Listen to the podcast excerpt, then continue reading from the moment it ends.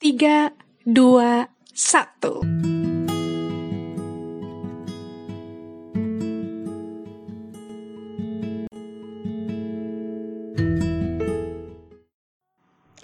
Hai, apa kabar buat kalian yang dengerin podcast ini?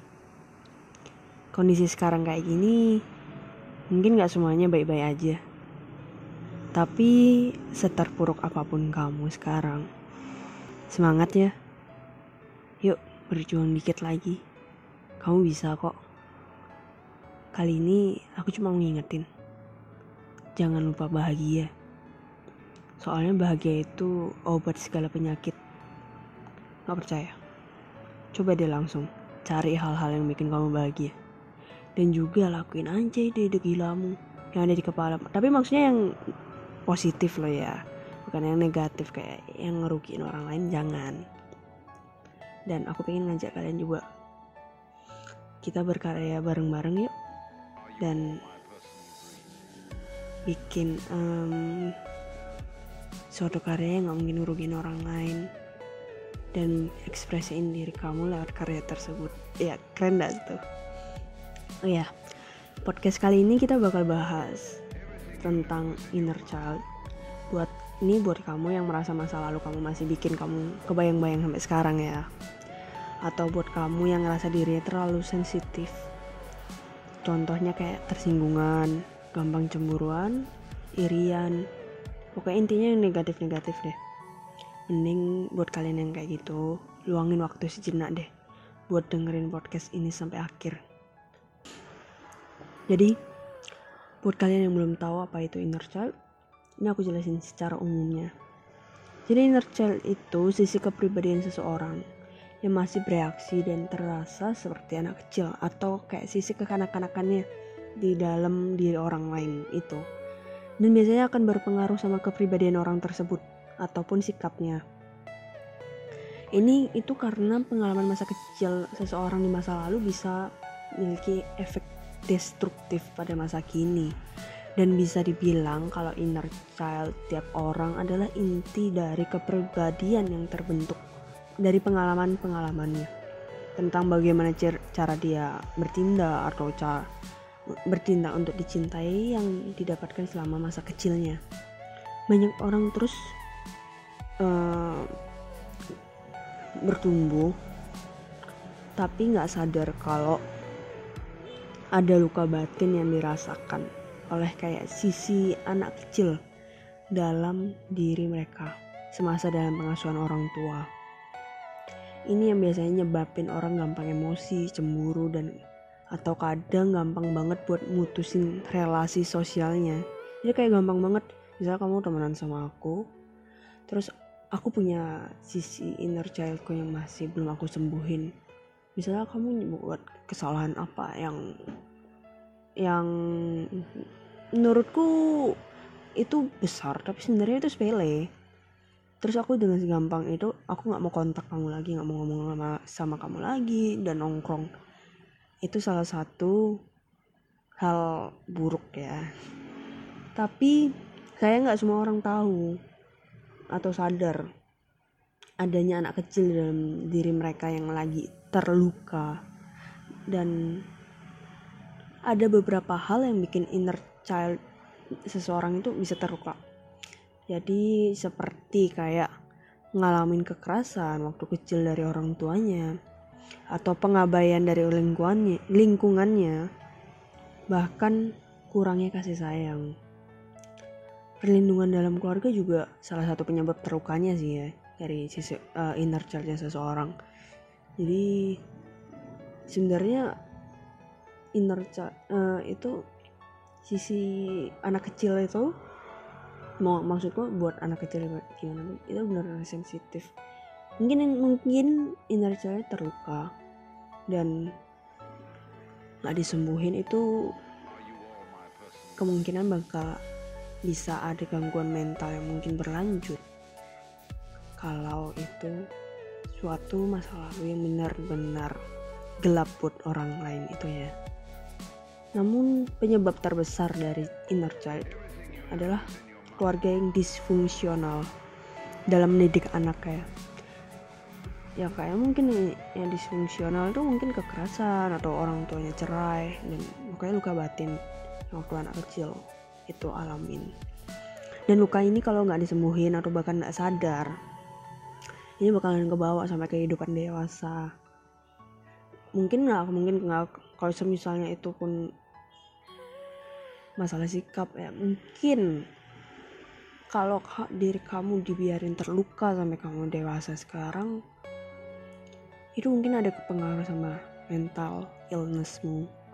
Aku nggak aku bukan profesional. Kalau kayak gitu ini perlu bantuan uh, yang profesional kayak mungkin psikolog buat kalian yang masih ngerasa perlu bantuan. Tapi menurutku lah ya buat kalian yang masih takut ke psikolog psikolog itu bukan berarti kamu gila kok serius bukan berarti kamu gila itu sama aja kayak kamu ngecek kayak uh, cek kesehatan tahunan ke rumah sakit. Kayak kamu cek darah kayak cek jantung cek ya ya kondisi badanmu yang di dalam yang nggak mungkin kamu tahu. Itu sama kayak kamu ke psikolog. Kamu cek kondisi mentalmu. Karena kamu kan sendiri kayak nggak mungkin sadar kalau kamu itu punya kondisi mental yang gimana. Dan jauh lebih baik kamu disembuhin dicek dan disembuhin lebih awal dibanding kamu nunda-nunda kan? Nah ini misalnya nih ya. Misalnya uh, contoh kasus. Ada anak perempuan. Ngeliat orang tuanya bertengkar nih waktu kecil.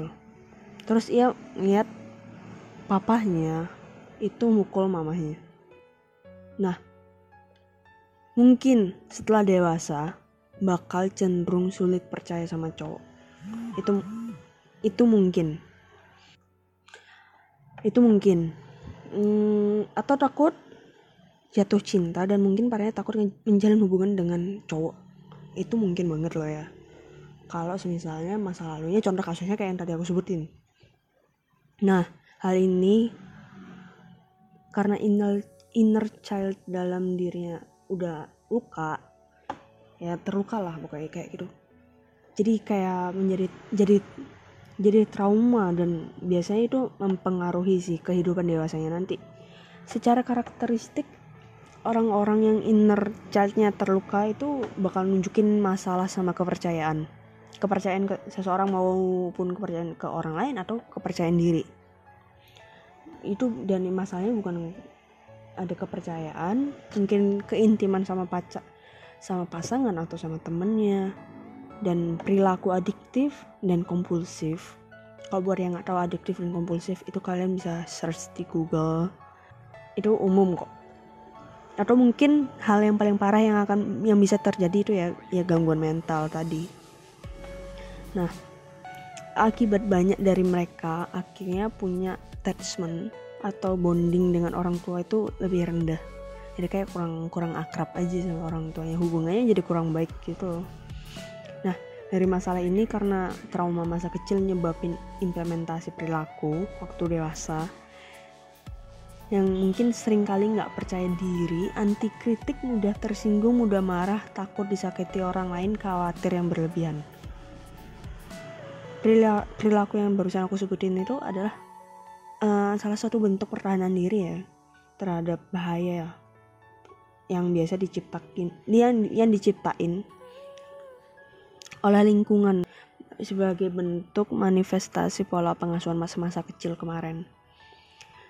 Jadi kayak uh, itu kayak otakmu, misalnya kamu punya pengalaman buruk, itu secara nggak langsung otakmu itu kayak bikin pertahanan diri buat biar kamu nggak disakitin lagi kan. Jadi makanya banyak orang yang kadang susah percaya sama orang lain atau anti kritik dan percaya dirinya emang kurang itu pasti ada penyebabnya. Nah nyembuhin inner child yang terluka itu ada termasuk proses yang panjang. Yang dan itu uh, salah satu salah satu pengalaman yang personal ya.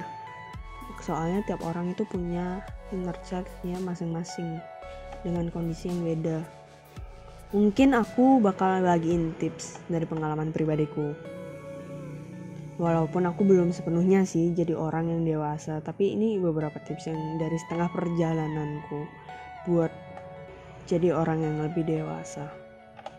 Pertama, sadarin kamu harus sadar ada sisi anak kecil dalam diri kalian yang masih terluka. Contoh ya kayak itu kamu harus sadar hmm, ada perasaan yang masih kamu teruk bikin kamu sakit dan kamu masih simpan itu sekarang. Memang ingat masa lalu itu nyakitin banget dan emang nggak gampang. Tapi ngubur masa lalu dalam-dalam tanpa berusaha nyembuhin juga sama aja. Kamu bakal kamu bakal tetap stuck di sana dan ngebuat inner child kamu, sisi kanak-kanak kamu itu terus mendominasi diri kamu. Serta bi bisa ngelahirin kayak perasaan-perasaan negatif kayak yang tadi aku sebutin sebelumnya. Selanjutnya, ya coba deh sisihin waktu buat ngobrol sama diri sendiri di waktu kalian masih kecil. Dan bilang ke dia kalimat-kalimat yang suportif kayak aku sayang kamu maafin aku kalau aku telat sadar ada kamu di sini. Semuanya bukan salahmu kok. Uh, sekarang waktunya buat maafin mereka dan maafin kamu semuanya apa pun. Dan tetap jalan maju ke depan. Intinya kayak gitu mungkin. Mungkin pokoknya pakai cara kalian sendiri sendiri lah ya. Nah waktu ketemu inner child mungkin ada rasa marah. Buat kayak kamu ingat masa lalu ketemu dia mungkin ada rasa marah yang bakalan meledak banget sampai di luar kendali atau mungkin sedih yang berlebihan kayak bener sakit banget kan ya itu nggak apa-apa kok serius ini itu awal kamu buat perbaikin anak dalam diri kamu dan faktanya, nggak selamanya rasa marah dan sedih itu negatif. Sebenarnya marah itu emosi normal dan sehat kok. Tapi dalam keadaan tertentu, marah itu perlu buat buat buat ngebawa efek positifnya. Setelah itu kamu bisa meditasi dan nenangin diri pokoknya. Apps meditasi banyak kok yang yang free juga di apps App Store atau enggak di hmm, Play Store ya hmm. iya banyak ini tujuannya itu buat nenangin kamu dan kalau jiwa kamu tentram nanti ngobrol sama mereka anak kecil dalam diri kamu tuh juga jauh lebih gampang. Jauh lebih gampang kamu juga buat berdamai. Nggak apa-apa diusahain dulu aja buat diri kamu senyaman. Terus cerita terus nih ya cerita aja sama psikolog. Ini kalau misalnya selanjutnya kamu berstep selanjutnya kalau misalnya itu termasuk berat dan kamu nggak sanggup kamu perlu bantuan psikolog. Nah setelah itu kamu bisa cerita ke psikolog. Biasanya di psikolog itu dijamin kok kalau pakai bantuan profesional kayak psikolog itu terjamin rahasianya dan kamu buat kalian yang lagi coba semangat ya semoga berhasil oh ya dan aku mau bilang Nggak ada orang yang bisa ngubah masa lalu. Tapi bukan berarti masa lalu bisa ngedikte kamu di kehidupan kamu di masa kini. Karena kamu berhak buat hidup, buat ngebuat masa depan jadi jauh-jauh lebih baik. Kamu berhak bertumbuh, kamu berhak damai tanpa bayang-bayang masa lalu. Dan pasti kamu itu berhak bahagia. Itu kunci hidupnya tapi aku saranin kamu bahagia itu bukan berarti kamu ngelakuin apa pun yang ngebuat kamu bahagia tapi nggak mau ngerugiin orang lain nggak nggak itu yang aku maksud kamu bahagia tanpa harus ngerugiin orang lain. Maksudku ya ya kamu ya kamu orang lain ya orang lain. Jangan pernah ganggu orang lain. Jangan pernah ngerugiin orang lain maksudku. Segimana buruknya mentalmu waktu itu. Dan semisal kamu emang perlu bantuan itu ke psikolog buat jalan terakhirnya. Setelah dari psikolog ya aku doain deh kamu cepat sembuh dan cepat lebih damai sama kehidupan kamu ke depannya nah ini buat penutup untuk generasi kita selanjutnya aku mau kasih beberapa saran sih buat kalian yang udah mulai ngebangun keluarga atau mungkin baru akan memulai ngebangun sebuah keluarga ya Pertama jangan pernah berantem. di depan anakmu. Mau gimana pun masalah kalian besarnya, jangan pernah. Kenapa aku bilang gitu? Mungkin kalian gak sadar. Ini aku aku alamin dari ke dari pengalaman pribadi. Mungkin kalian sebagai orang tua nggak sadar perasaan anak kalian hancur apa waktu lihat orang tuanya yang biasanya akur baik-baik aja yang selama ini dia sayang ternyata saling memaki ataupun terlihat kayak saling membenci antara satu sama yang lainnya lalu usaha untuk selalu support mimpi seorang anak karena mimpi seorang anak itu bergantung dari seber seberapa suportifnya lingkungan dia bertumbuh. Biarpun dia mau jadi astronot, kalau kamu ngedukung, aku yakin anakmu pasti bisa jadi astronot kalau biarpun itu mimpi anak-anak loh ya. Aku nggak nggak uh, aku lebih percaya seberapa lingkungannya, bukan dari seberapa kemampuannya dia yang dia punya. Karena aku yakin kemampuannya itu bisa dibangun. Bakat ataupun talenta menurutku itu bisa dibangun kalau orang anak tersebut punya kemauan, keinginan dan lingkungan yang mendukung. Tapi dan aku juga percaya kalau biarpun seorang anak terlihat kurang cerdas atau kurang dalam kemampuannya loh ya aku bilang. Namun kalau punya lingkungan positif, aku percaya kok dia bakal berhasil raih mimpinya biarpun kalian yang sebagai orang tua terlalu realistis kayak nggak mungkin deh. Tapi coba deh dukung dan support dia. Biarpun jauh terlalu tinggi banget aku yakin dia pasti bisa kalau lingkungannya mendukung juga. Terakhir bimbing dia. Arahin bukan berarti ngatur dan membatasi ruang geraknya ya kita sebagai orang nanti calon orang tua dan bakal punya anak itu seharusnya. Kita ngarahin. Bukan tapi bukan berarti kita ngatur hidupnya atau ngebatasi ruang geraknya. Tetap beri dia ruang. Karena so, karena menurutku ruang geraknya akan, akan ngehasilin kreativitasnya yang mungkin kalian belum tahu.